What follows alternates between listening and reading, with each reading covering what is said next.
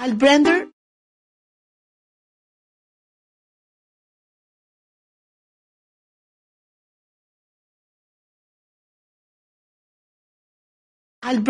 ekspert në ofrimin e zgjidhjeve për mbrojtjen e fasadës së jashtme, për të gjithë llojet e ndërtimeve, ato banesa private apo komerciale, me një përvojë mbi 10 vjet Ekipi ynë mund të ndërmarrë të gjithë elementët e sistemeve të mbrojtjes së fasadës. Shërbimet tona përfshijnë suvatim të brendshëm dhe të jashtëm, izolim, lyerje dhe dekorime, new build, loft conversion, extension, paint and decorating, rendering, plastering, tiling, modelim të fasadave dhe korrigjimin e lagështisë së shtëpisë tuaj. Kontakto Albrender në numrin e telefonit 073 97 78 76 97 ose na kontaktoni nëpërmjet e-mailit leonis @icloud.com.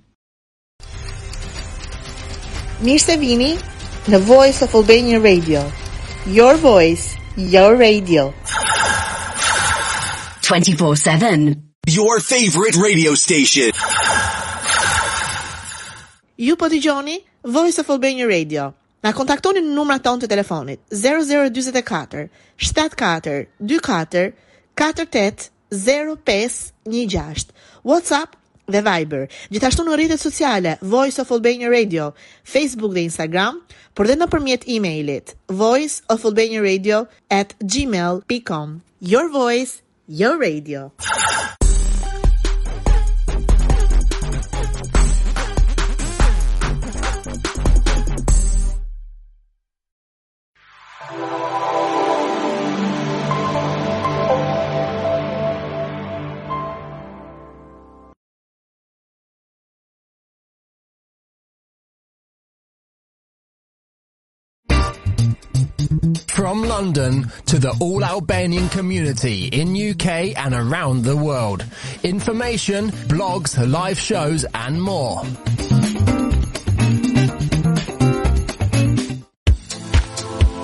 Every Tuesday and Friday from 19.30 UK time. Stay tuned.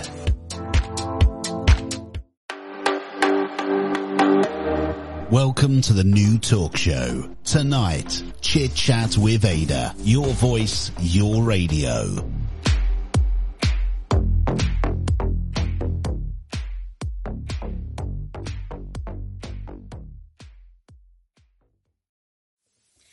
Hej, përshëndetje të dashur miq, përshëndetje mirë se erdhët sonte në Voice of Albania Radio, mirë se erdhët në emisionin Chit Chat with Eda. Ëm, um, mirë mbrëma dhe uh, mirë se ju gjeta. Në fakt, uh, do na ndiqni sonte live për rreth 60 minuta, shpresojmë të paktën.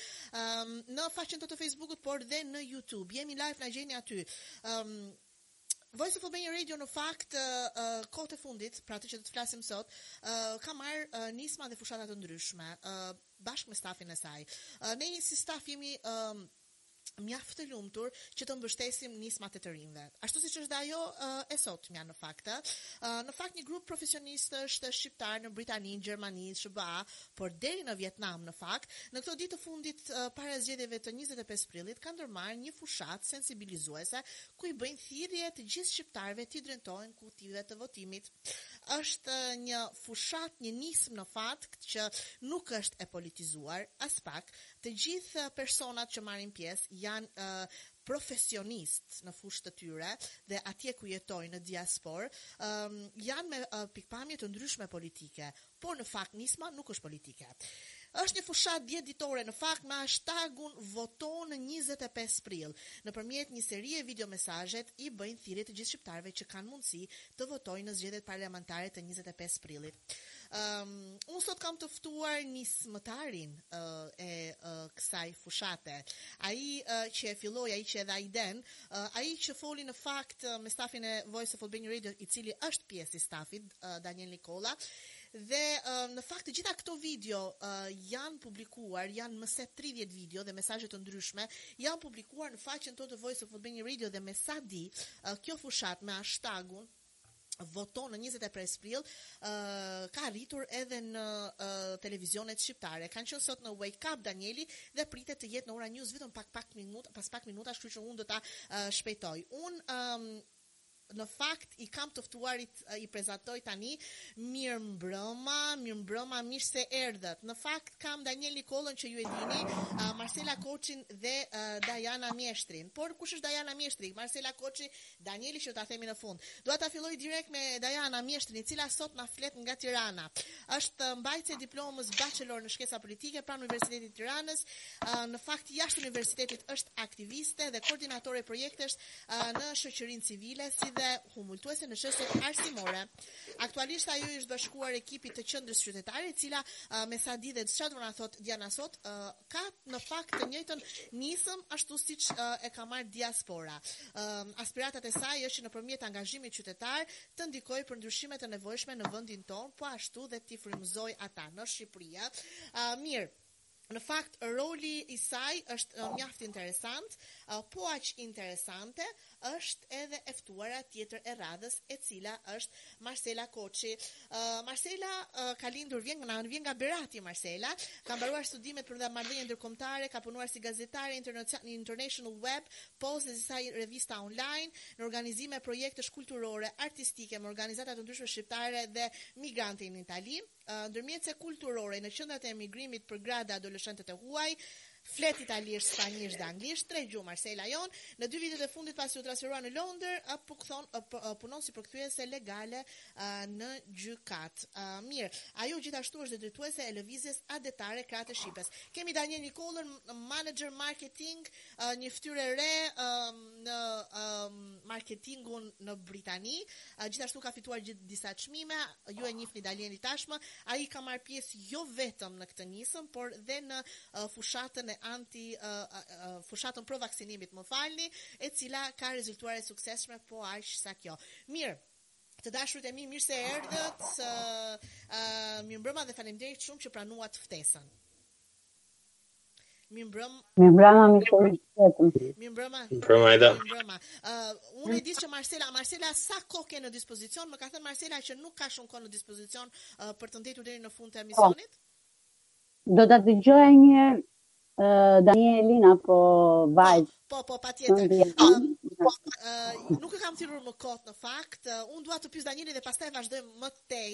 uh, për të zbuluar uh, se përse jemi sot këtu. Jemi sot në fakt sepse Voice of Albania Radio jo vetëm që është mbështetëse e um, nismës së voton 25 prill, por ne kemi dëshirë gjithmonë të dëgjojmë uh, debate, të dëgjojmë mendime të ndryshme se jo të gjithë jemi dakord me këtë nisëm, jo të gjithë biem dakord, kështu që kemi mendime të ndryshme, jemi në demokraci dhe duhet uh, t'i dëgjojmë të gjitha mendimet e të gjitha personave.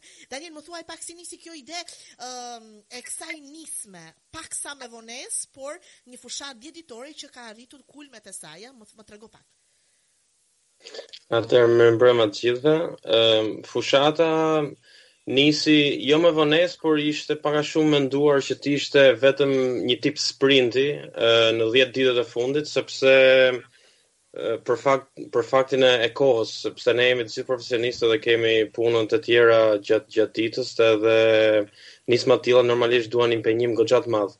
Ndërkohë, um, organizata si Qëndresa Qytetare që Diana do flasi uh, pas pak, um, kanë ndërmarrë nisma të ngjashme, po ashtu dhe organizata të tjera të diasporës, pra ne jemi, si të thuash, një një zë i shtuar i i këtyre nismave, duke përdorur ato mjetet tona digjitale për të për të rritur sa sado që të jetë e mundur atë um, awareness edhe atë uh, nivelin e informacionit uh, në lidhje me rëndësinë e votimit edhe procese të tjera demokratike që njerëzit duhet të përfshihen.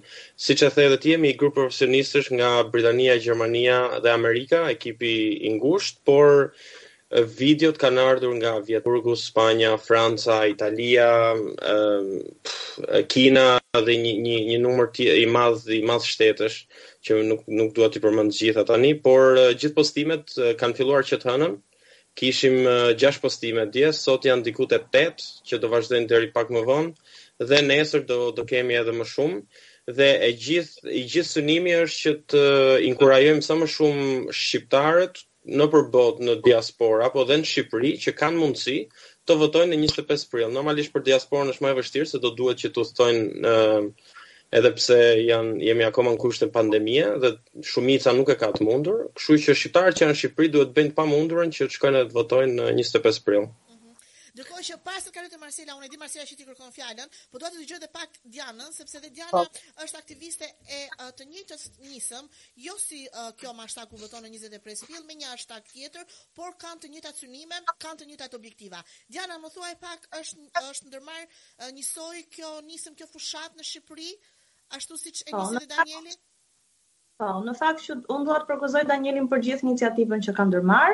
Një iniciativë të ngjashme ka ndërmarr edhe Qëndresa Qytetare që me hapjen e fushatës elektorale në datën 25 prill, ne kemi marrë këtë nismë nën petkun ose nën ombrellën e poezisë së Çajupit, shqiptar mos rri por duku, kjo kërkon pra nisëm, kjo nisëm kërkon uh, t'i bëjë thirrje të gjithë të rinjve shqiptarë që ta vlerësojnë vler uh, votën e tyre si një e drejtë kushtetuese, por edhe ta perceptojnë atë si një mesazh komunikimi, pra si mjet komunikimi politik për t'i dhënë uh, uh, ta themi sinjalin politikanëve se çfarë kanë bërë mirë apo keq gjatë këtij të mandatit katërvjeçar.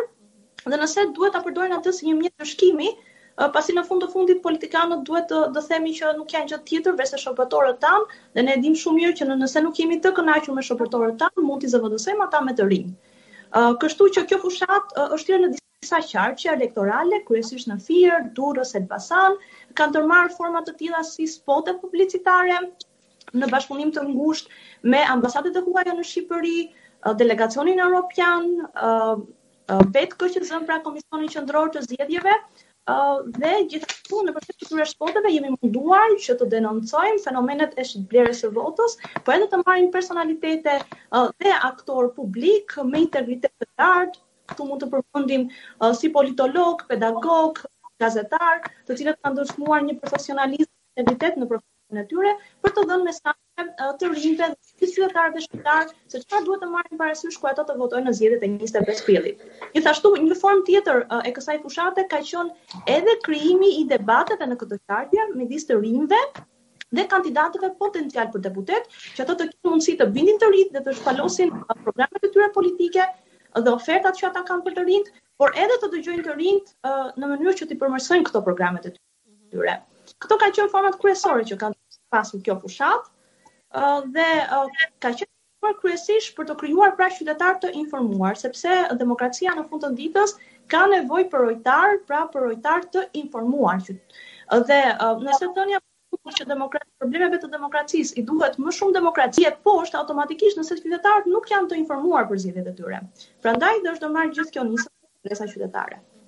Faleminderit Diana, do të kthehem te ty pas pak për të kaluar te Marcela. Marcela, ëm um, kam uh, kam parë sot një debat në rrjetet sociale, një debat konstruktiv, uh, me thënë të drejtën, uh, kur um, në fakt debatoje me Danielin për këtë lloj nismë. Ty nuk të duket e drejtë uh, kjo lloj nismë? Çfarë mendon Marcela? Po, mirë mbrëma të gjithëve, mirë mbrëma Daniel, Diana dhe Eda. Gëzohem që po mundemi të debatojmë edhe këtu me anë të një radio që është zëri i, i mërgatës shqiptare këtu në Londër.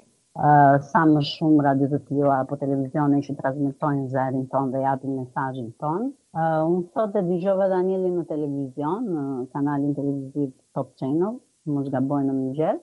Uh, nisma është Është shumë e thjeshtë. Të votosh është një e drejtë qytetare dhe një vota është arma arma më demokratike që ne mund të kemi sot në në dorë sepse për votën është dhënë jeta, është luftuar shumë, janë arritur shumë të drejta me anë të votës, sidomos me gjininë femërore dhe për Të votosh është shumë shumë normale, por ajo që unë nuk gjeta të të saktë ishte se si diaspora shqiptare, domethënë mërgata shqiptare të bëjë një thirrje për të votuar në një shtet dhe për një qeveri që ata nuk e aprovuan të drejtën e votës.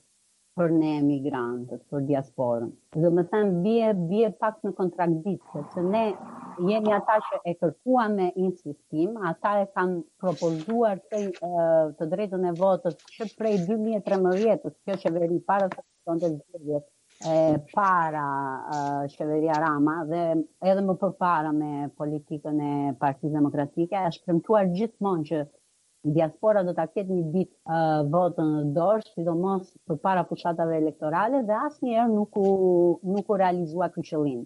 E dimë se me Këshillin e e diasporës është luftuar shumë për ta arritur këtë të drejtë, po edhe me ata falimentoi, falimentoi, siç kanë falimentuar shumë premtime të këtyre qeveritarëve dhe unë nuk e shoh të drejtë që të thuhet vetëm votoni, sepse njerëzit e dinë shumë mirë që duhet të votojnë, në Shqipëri njerëzit janë mendjehapur, e dinë që vota është esenciale për të ndryshuar, për të sjellë një ndryshim, por do, do ta gjeja më të drejtë sikur ne të thoshim votoni kandidatët që nuk janë të implikuar në korrupsionet e kësaj politike 30 vjeçare. Jo thjesht votoni. Ku duhet një sensibilizim dhe një ndërgjegjësim i njerëzve, i shqiptarëve që të votojnë, por të votojnë drejt, të votojnë kandidatët që me këtë politikë 30 vjeçare nuk kanë qenë asnjëherë të implikuar në korrupsionet e tyre. Ne e dimë shumë mirë që kjo politikë 30 vjeçare nuk ka sjellë asnjëherë ndryshim dhe nuk ka për të sjellë asnjëherë ndryshim, përderisa do jenë ata gjithmonë aty tre partitë e mëdha që për mua janë të tre bashkë, LSI, PD dhe PS. Dhe në qoftë se ata janë akoma duke kandiduar, qoftë edhe me këta, me këto parti të reja që janë krijuar, sidomos tani në emrin e diasporës, që mendoj se janë vetëm një thjesht një riciklim i i partive të mëdha që drejtojnë Shqipërinë,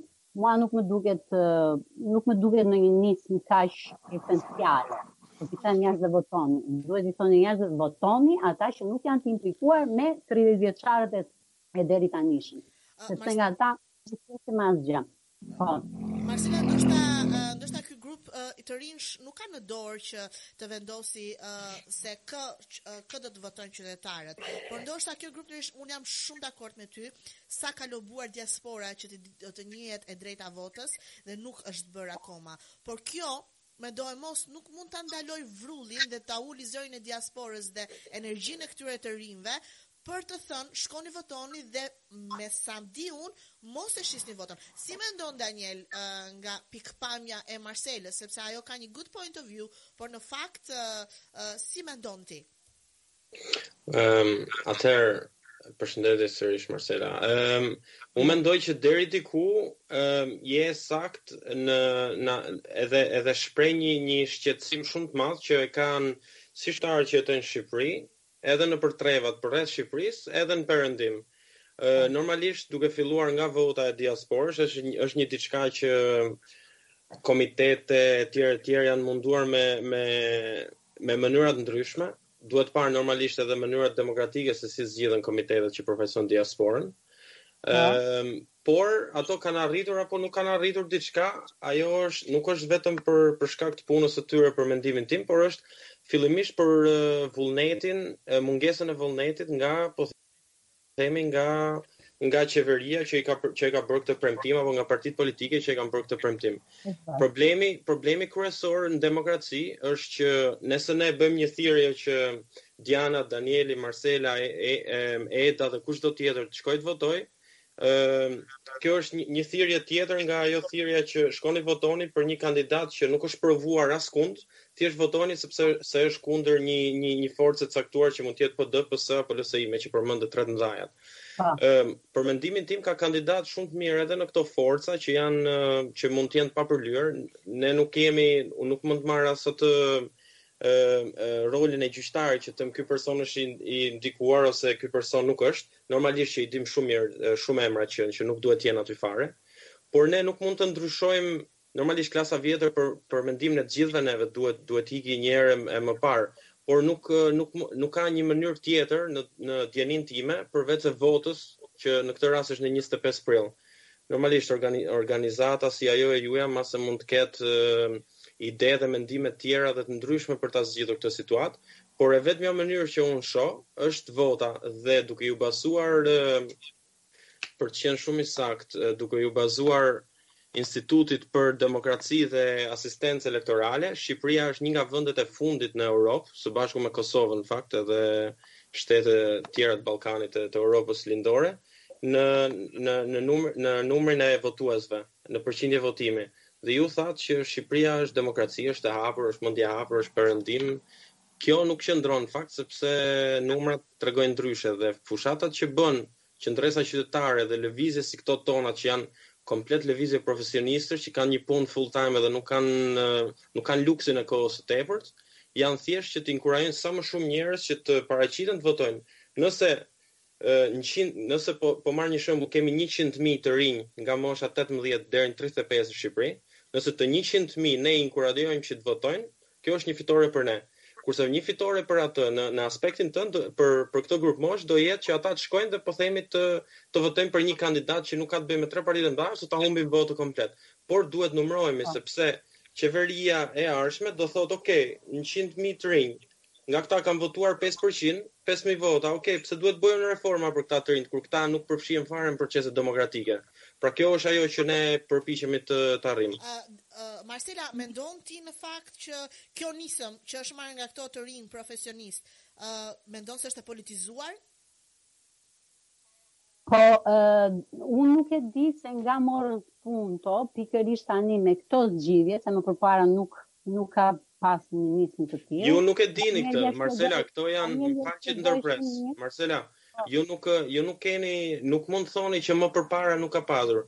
Siç unë nuk ju njihja ju deri sot, as ju nuk njihnit as mua, as Dianën, as dikë tjetër. Pra ju nuk mund të assumption, siç është në anglisht, and you can't është ajo shprehja angleze që nuk duhet ta them. Nuk mund të Nuk mund të hamendësoni që ka mm. pasur apo nuk ka pasur thjesht sepse ju mund të keni bërë disa aktivitete apo disa gjëra.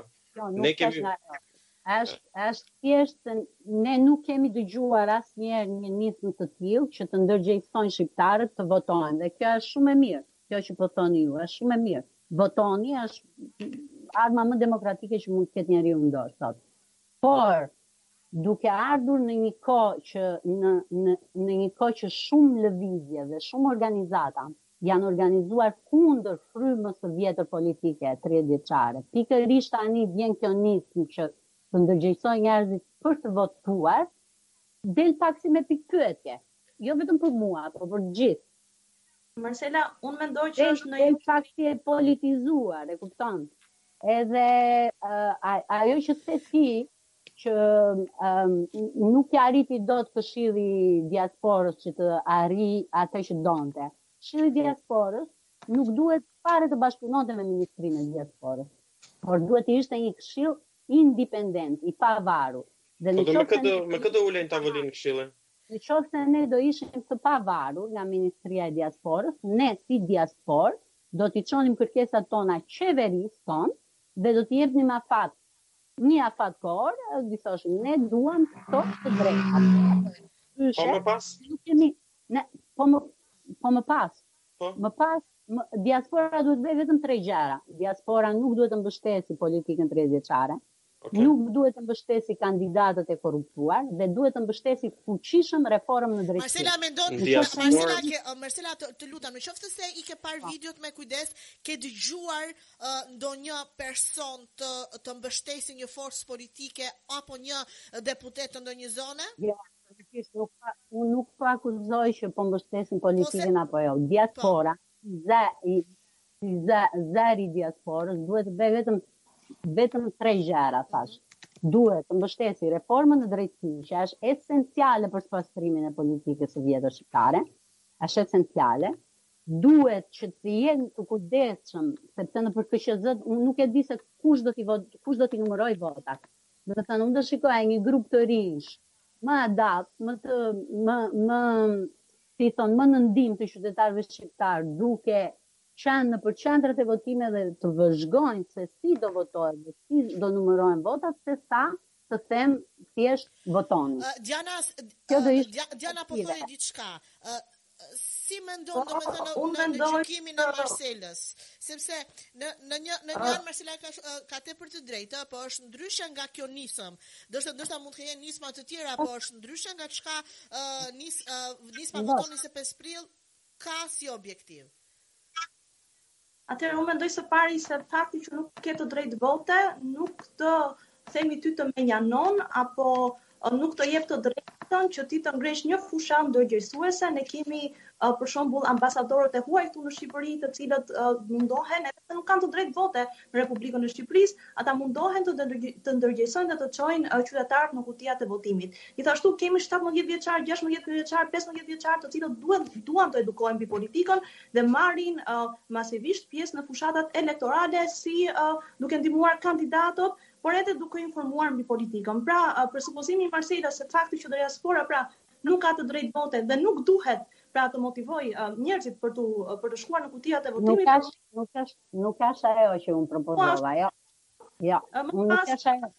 Jo nuk duhet, po duhet që ta bëjnë në një mënyrë më efektive. Marsela pra po thotë që nuk duhet të mbështesni kanë Unë mendoj se Për aq kohë sa kemi një situatë Covidi, fushata pra të bëra online kanë qenë një nga format më më të suksesshme për momentin. Pastaj nëse tendenca uh, kryesore në Shqipëri është që vota të vidhet dhe të keqnumërohet, ashtu si edhe Marsela tha, uh, kjo mund të ndikojë ku ka pak votues. Por ku ka shumë votues, për shembull deri në 3.6 milion pra votues sa kemi në Shqipëri, kjo është shumë e vështirë të ndodhi dhe ka më pak pesh në outcome-in, pra në rezultatin e zgjedhjeve. Dhe ky është një një nga uh, arsyet tjera pse duhet të motivojmë pra qytetarët të shkojnë në kutijat e votimit. Një arsye tjetër është sepse nëse më përpara krimet elektorale ndodhshin uh, nga ushtarët e uh, uh, Nga gjeneralët e ushtrive, sot krimet më të mëdha ndodhin pikërisht në kutijat e votimit dhe është detyra e çdo qytetari për të bërë rojtarin e këtyre voti, e këtyre kutijave të votimit.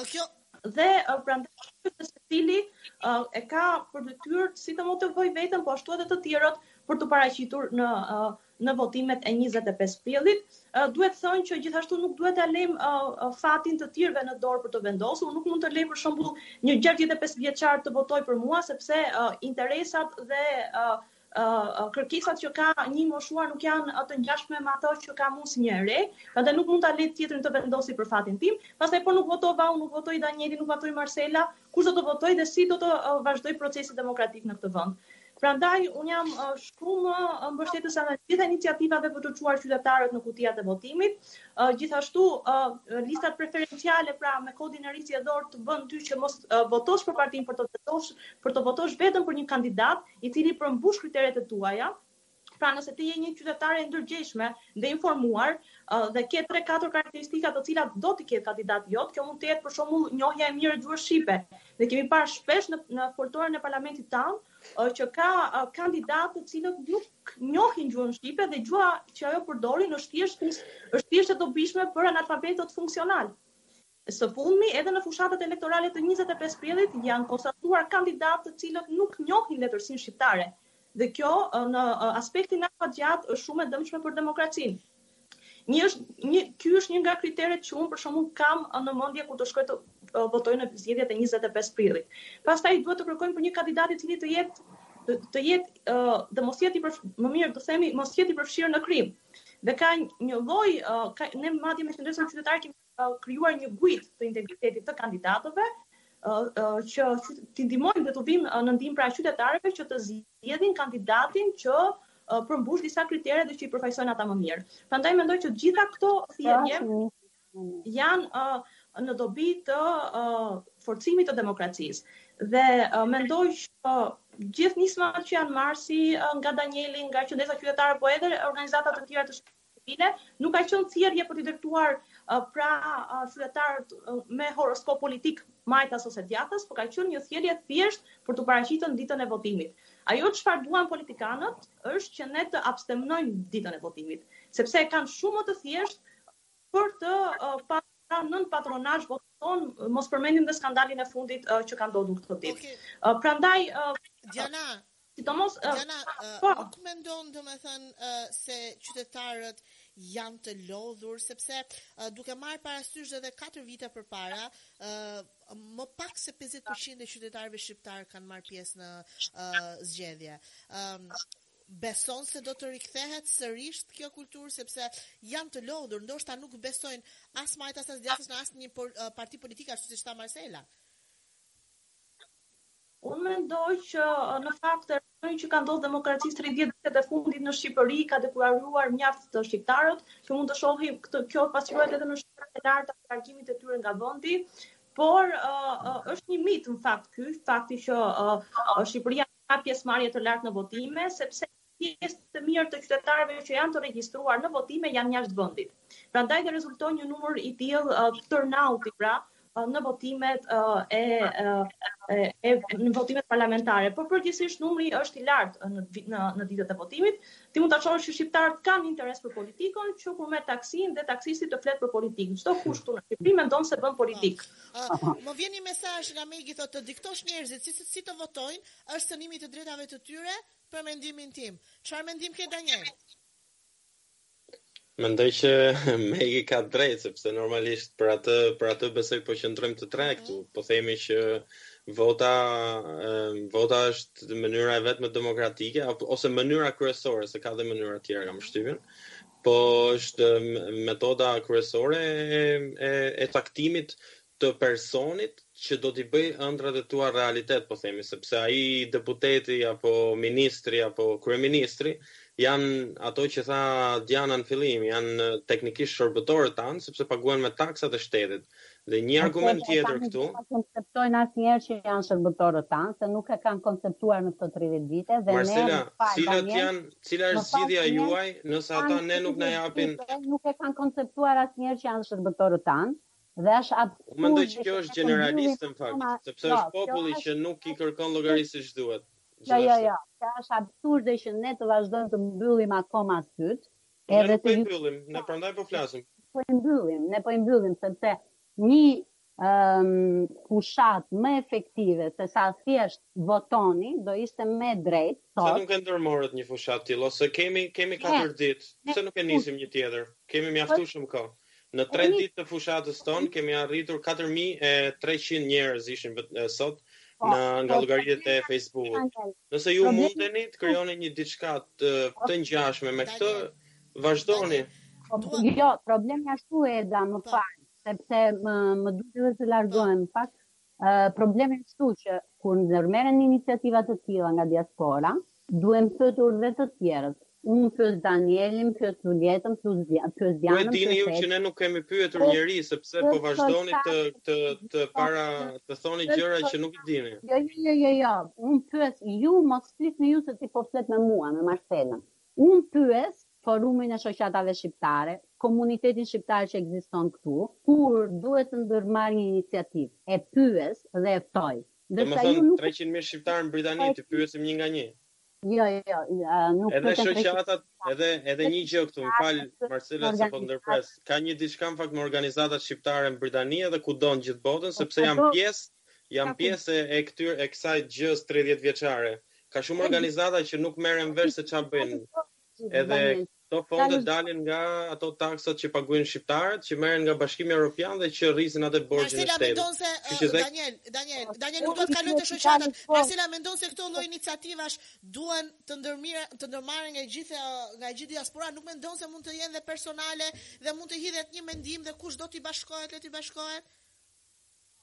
Po, mund të hidhet edhe personale, siç e ka edhe Danieli, por, që po Danieli do flasi në emrin e diasporës, duhet të pyesi edhe organizatat e tjera që veprojnë në diasporë, sepse mbase edhe unë e kam ndërmarrë një, një iniciativë të tillë, mbase e ka ndërmarrë edhe Diana një iniciativë të tillë. Shumë mirë, kjo është mirë për demokracinë. Shumë mirë ide. Është mirë për gjithë diasporën. Dëgjo, ne ne duhet të jemi krenar në fakt që kemi kaq persona me energji, kaq me energji pozitive, po. me objektiva, me synime, vetëm në Britani kemi shumë shoqata, kemi shumë media të cilat marrin iniciativa të ndryshme dhe kjo është një gjë e mirë sepse jemi të gjithë ë për të mirën e e vendit tonë dhe për të mirën e diasporës. Mendon se mendon se ë ndoshta duhet të veprojmë një, nuk duhet të veprojmë sipas sipas mendimit tonë, për shembull unë si po, vajzë. Po, ka ardhur, ka ardhur po, koha. Thuaj. Ka ardhur koha që ne të veprojmë një, si veprojnë ata një.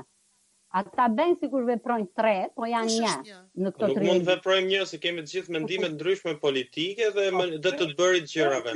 Dhe një, vetëm një gjë të vogël sepse preke fushatën. Fal Marcela. Thatë që nuk mund të po. flisni në emër të diasporës dhe e keni përmendur edhe edhe më herët ditën e sotme. Edhe unë në po. fakt ju ju sugjerova që të lexoni edhe një herë deklaratën apo atë komunikatën për shtyp që ne e shpërndamë. Dhe tre fjalët e para janë një grup profesionistësh. Nuk thuhet as që është e gjithë diaspora, as e gjithë Shqipëria apo që jemi ngritur kundër këtij apo atij. Është thjesht një grup profesionistësh, në rastin tonë pesë persona që po mundohen të bëjnë diçka. Kaq, është shumë e thjeshtë. Daniel, Daniel, është një grup profesionistësh që mundohemi të përfshijmë të gjithë diasporën, të gjithë ata që janë të interesuar për të për t'u na bashkuar, apo? Gjithë ata që duan të bashkohen, ata që nuk duan të përfshihen në, në vendimmarrjen politike, është zgjedhje e tyre. Të marrim mendimin e njëri tjetrit dhe vendosim të bëjmë diçka më efektive. Marcela, na vjen një një një pyetje nga Aldo Deliu për të tre juve. Mendoni thotë se vidhet vota në Shqipëri? Marcela, ti meqë do të largohesh e dashur nuk ke mjaftueshëm kohë? Po, në qoftë se do jenë gjithmonë ata që kanë që kanë qeverisur deri tani në këto 30 vite, vota do vidhet gjithmonë në Shqipëri dhe do manipulohet sidomos në Shqipëri. Diana? Dhe unë besoj se ata do ata tre partitë e mëdha, një nga ata do fitojë zgjedhjet. Diana? Mendoj. Diana? Është larguar Diana? Diana më dëgjon? Ka ngrirë. Ë, nuk e di në më dëgjon Diana.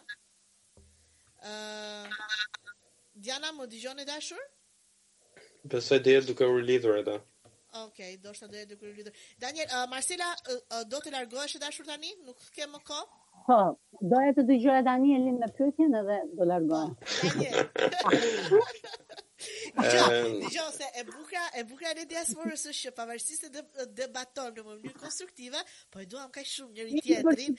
Ne jemi të të, të po. gjithë për një qëllim Marcela, sado që nuk po, biem, po. sado që nuk biem në të njëjtin mendim, prap sërish për të njëjtin qëllim jemi. Adoptohemi, adoptohemi. Vazhdo Daniel. Ëm ehm, Atëherë, a vidhet vota në Shqipëri? Po.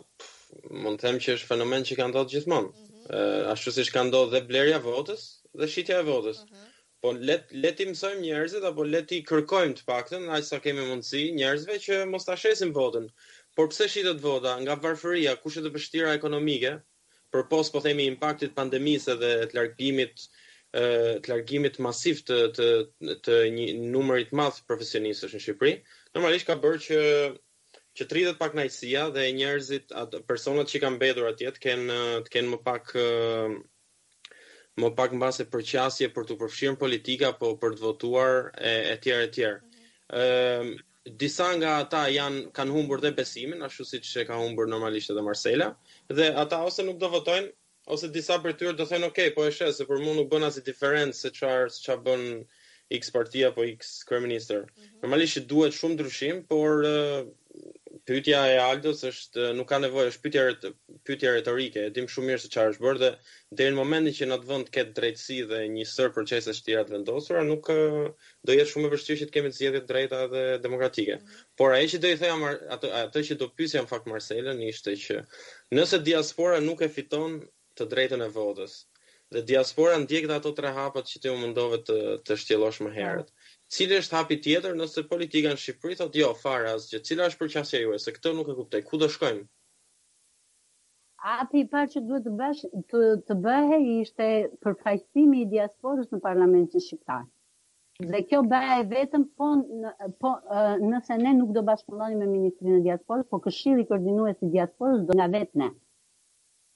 Kjo bëhej vetëm kështu.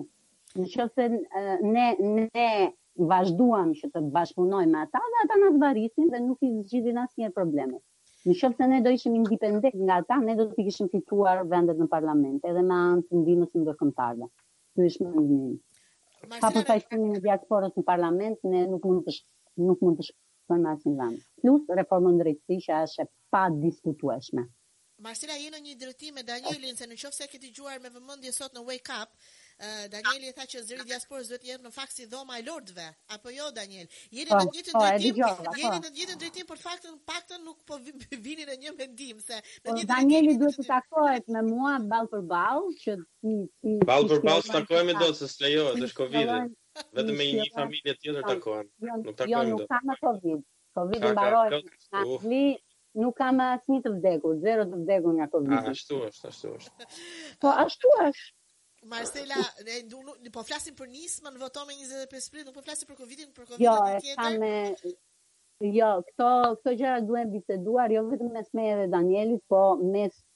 shumë të tjerë, të rinjve dhe personave që me gjithë mend mundohen që të bëjnë diçka të mirë për Shqipërinë. Marcela, të rinj si unë dhe Diana presim nga organizata shqiptare në Britani, meqë ju keni dhe dhe fuqi financiare. Ne jemi thjesht të rinj që aq mundësi kemi, prandaj. Po patjetër, po ti duhet të të, të pyesësh. Po sigurisht, normale. Do shkoj te databaza që nesër do shoh gjithë të organizatat edhe po. kush kush se nëse një organizatë ka shprehur atë një lloj ideje rreth zgjedhjeve, atëherë po t'i kontaktoj. Nëse s'ka ide, atëherë ku do shkoj? Nuk do kontaktoj një mijë organizata. Marcela, po. pikëpyetja jote më e madhe dhe um, ajo që ty të vjen keq është se ti nuk uh, ke marr pjesë uh, në këtë nismë je akoma je akoma në kohë uh, e dashur që jo, të dërgosh një mesazh të Më fal. Unë unë mua më vjen shumë keq që diaspora shqiptare nuk ka zë në në votim. Po E di janë pse. zërat e këtyre të rinjve Marsela, këtë po bën Danieli, këtë ka bërë X-i, këtë ka bërë Y-i, janë zërat e këtyre të rinjve që të gjithë së bashku në mënyrën e tyre, në kohën e tyre të lirë marrin këto nisma. Okay. E kupton Eda? Në Itali, në Itali unë punoja për fushatën elektorale të Amerikës Latine, Peru dhe Ekuador. Imagjinoje, Peru, Ekuador nuk ekzistojnë fare në Europë, janë kaq larg nga Europa dhe kanë të drejtë të votojnë edhe pse kishin 200.000 apo 300.000 nënshtetas në Itali. Ne kishim 1 milion nënshtetas shqiptarë në Itali, Mbi pesëqind mijë në Itali, më fal, dhe një milion në Greqi dhe nuk kishim të drejtë të votonim. Kjo është keqardhja më e madhe dhe unë nuk pres më asnjë gjë nga këta politikanë. Na vjen keq të gjithëve, Marsela, unë nuk e di Danielin qoftë se ka gjë për të shtuar sepse Danieli e tha shumë pak përpara minutash. Më vjen keq edhe mua sinqerisht që ne nuk kemi marrë pjesë dhe nuk na lejohet të votojmë ne si diasporë. Por në fakt, Daniel, edhe një herë, nisma, që ju keni marrë voto me njëzet e pesë prill edhe pse ne nuk na është lejuar që të votojmë duhet ta mbyllim zërin s'duhet s'duhet të motivojmë komunitetin shqiptar gjithë shqiptarët që të shkojnë të votojnë Duhet t'i motivojmë, po mbas kësaj nisme Danieli duhet të ndërmarrë një nismë akoma më efektive mbi Gjithmonë ka vend për më mirë. Eda, për t'iu përgjigjur pyetjes tënde, ishte ajo që tha Diana më më herët, nuk është se kam ndonjë diçka për të shtu, kupton? Po.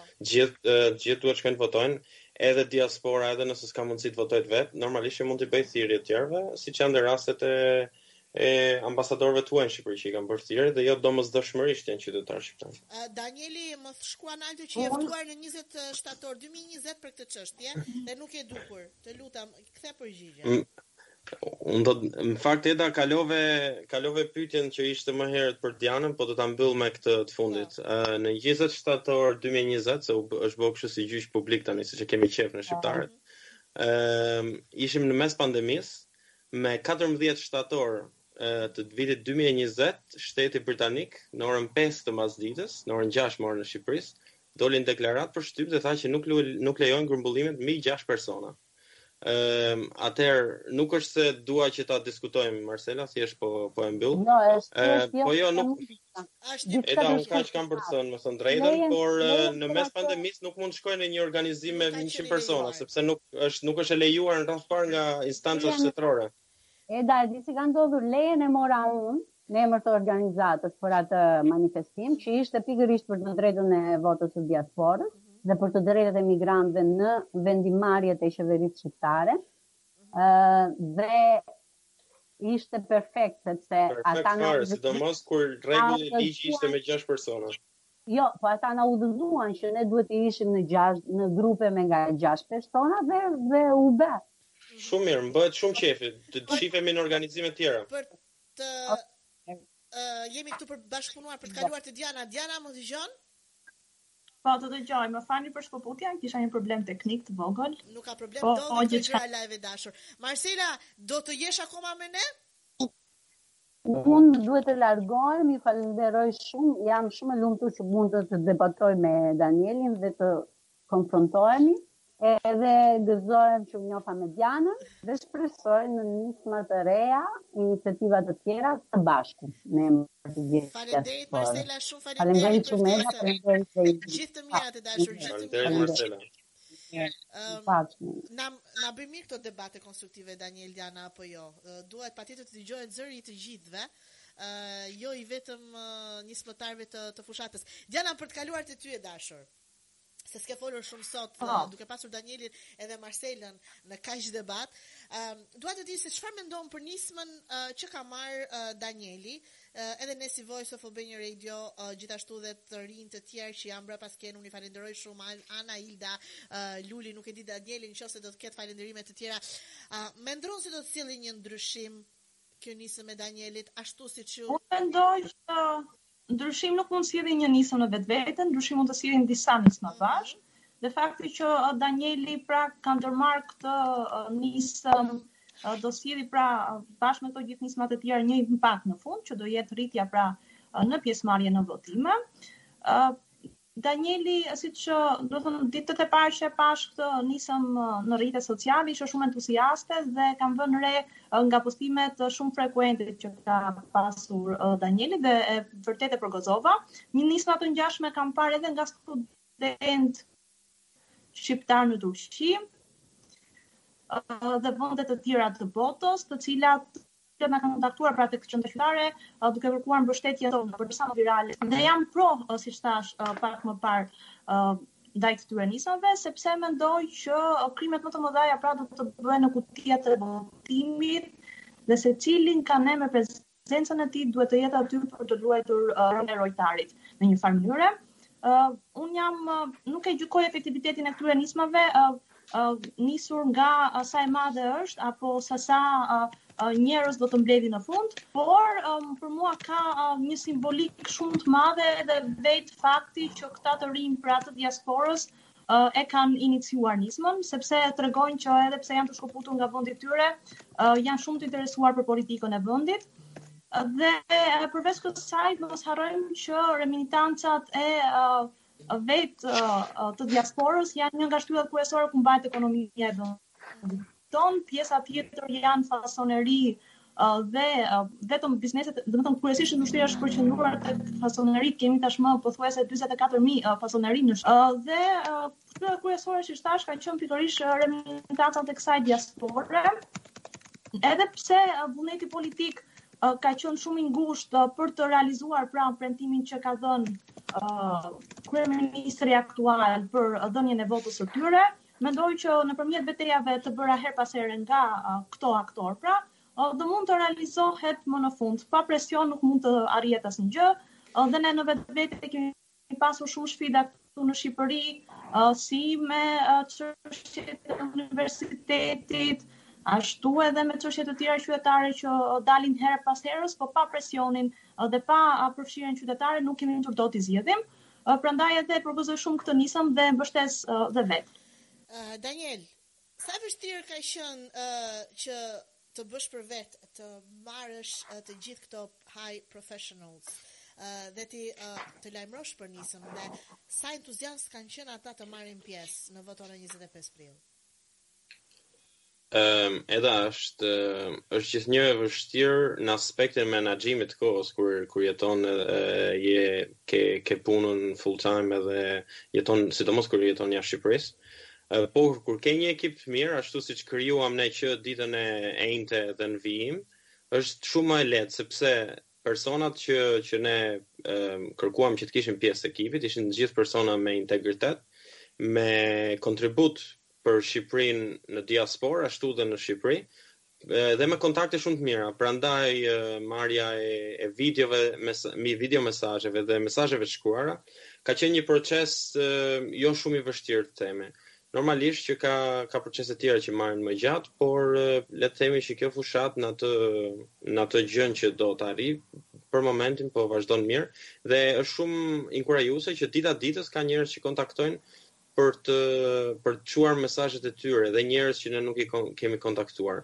Dhe ajo që tha Diana sërish që nuk kanë nuk ka rëndësi se sa se sa mesazhe apo se sa numra janë, e rëndësishme është kualiteti i fushatës dhe mesazhi që ato do përcjellin tek të rinjtë apo tek e gjithë popullata në Shqipëri. Jemi në një realisht jemi në një çësht në një moment realisht të jashtëzakonshëm për Shqipërinë sepse kemi një krah që ka akumuluar të gjithë pushtetet e mundshme që mund të kesh në Shqipëri dhe kemi krahun tjetër që në zgjedhjet e fundit nuk ishte nuk ishte pjesë e zgjedhjeve, e votimeve më saktë se nuk ishin zgjedhje dhe vjen pa as pa përfaqësim parlament. Pra është realisht një make it or break it për opozitën, po dhe për njerëzit e thjeshtë sepse ëm duhet që realisht të ketë një kërkim llogarie të madh, përndryshe nuk e di, do ketë probleme. Voto me 20 Edhe unë mendoj që këto video mesazhet që kemi bërë secili nga ne janë shumë të dobishme edhe për votuesit për herë të parë sepse nuk kemi pra një mënyrë se si vetë domethënë KQZ-ja, edhe pse ka ndërmarrë disa nisma të vogla, nuk ka pasu pra një edukim linear dhe i shtrirë në kohë të qytetarëve të votuesve për herë të parë. Dhe ashtu siç unë, kur bëhem 18 vjeç, nuk më vjen licenca e makinës tek dera e shpisë varur, por më duhet të ulem mbrapa timonit të makinës, të bëj disa prova, ta nxjerr të marr disa klasa, pra disa mësime, ta nxjerr makinën në rrugë dhe pastaj të jem e aftë për t'u pajisur me licencën pra patentën e makinës, në të njëjtën mënyrë duhet të trajtohen edhe këto votues për herë të parë. Pra duhet të edukohen se si të votojnë dhe të zhvillojnë mendimin e tyre kritik, dhe gjykues mbi kandidatët dhe përfaqësuesit e duhur. Prandaj është shumë e domosdoshme mendoj që këto video të arrijnë pikërisht te ky target group, pra tek votuesit për herë të parë.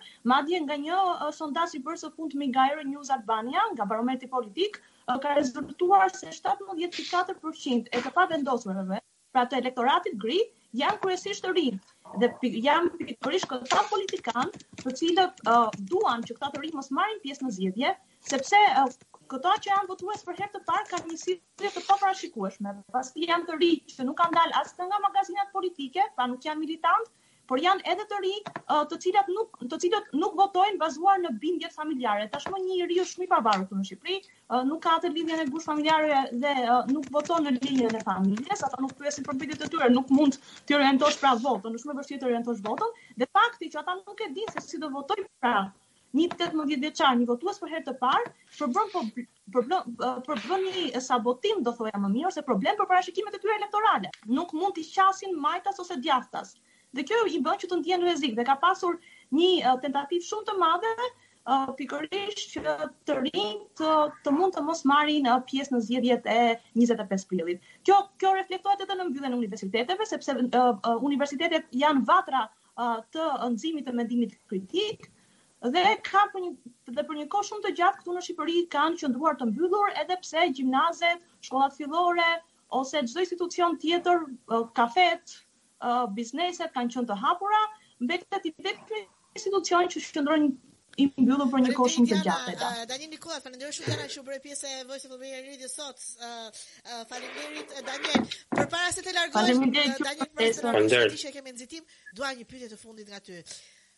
E ke filluar këtë nisëm. Të gjithë të votojmë, të shkojmë të votojmë, mos ta shesim votën, vota është shumë e rëndësishme, është pjesë e dinjitetit tonë. Ti Daniel do të shkosh në Shqipëri të votosh? Hëhë, pyetje shumë e mirë, do ta lëmë sekret për ditën e votimit. Këtu do jemi sërish bashkë Daniel, se gjithsesi gjithmonë shpirti nuk largohet nga Voice of Albania Radio. Faleminderit që na ndoqët të dashur miq. Daniel, suksese në emisionin. Pas disa minutash do të ndjekim, jemi aty me ty. Diana, të falenderoj e dashur. Eda, mund të themi diçka të fundit? Ishte shumë kënaqësi që kishim Dianën nga Qëndresa Qytetare, se realisht bëjnë research, kërkime edhe çdo gjë që e bëjnë e kanë me kualitet shumë të lartë edhe Diana mund të jetë herë të tjera pjesë e emisionit. Atë do të thoja që Diana je e mirëpritur në emisionet e tjera, sidomos tani gjatë fushatës, deri me 25 prill Dianën do ta kemi shpesh herë them në në Voice of Albania Radio. Je e mirëpritur e dashur. Ju falenderoj shumë, do të bashkohem me shumë dëshirë. Je një aktiviste uh, jashtëzakonshme. Uh, të dashur dëgjues, uh, ishim sot për të folur për uh, nismën, nismën më të re.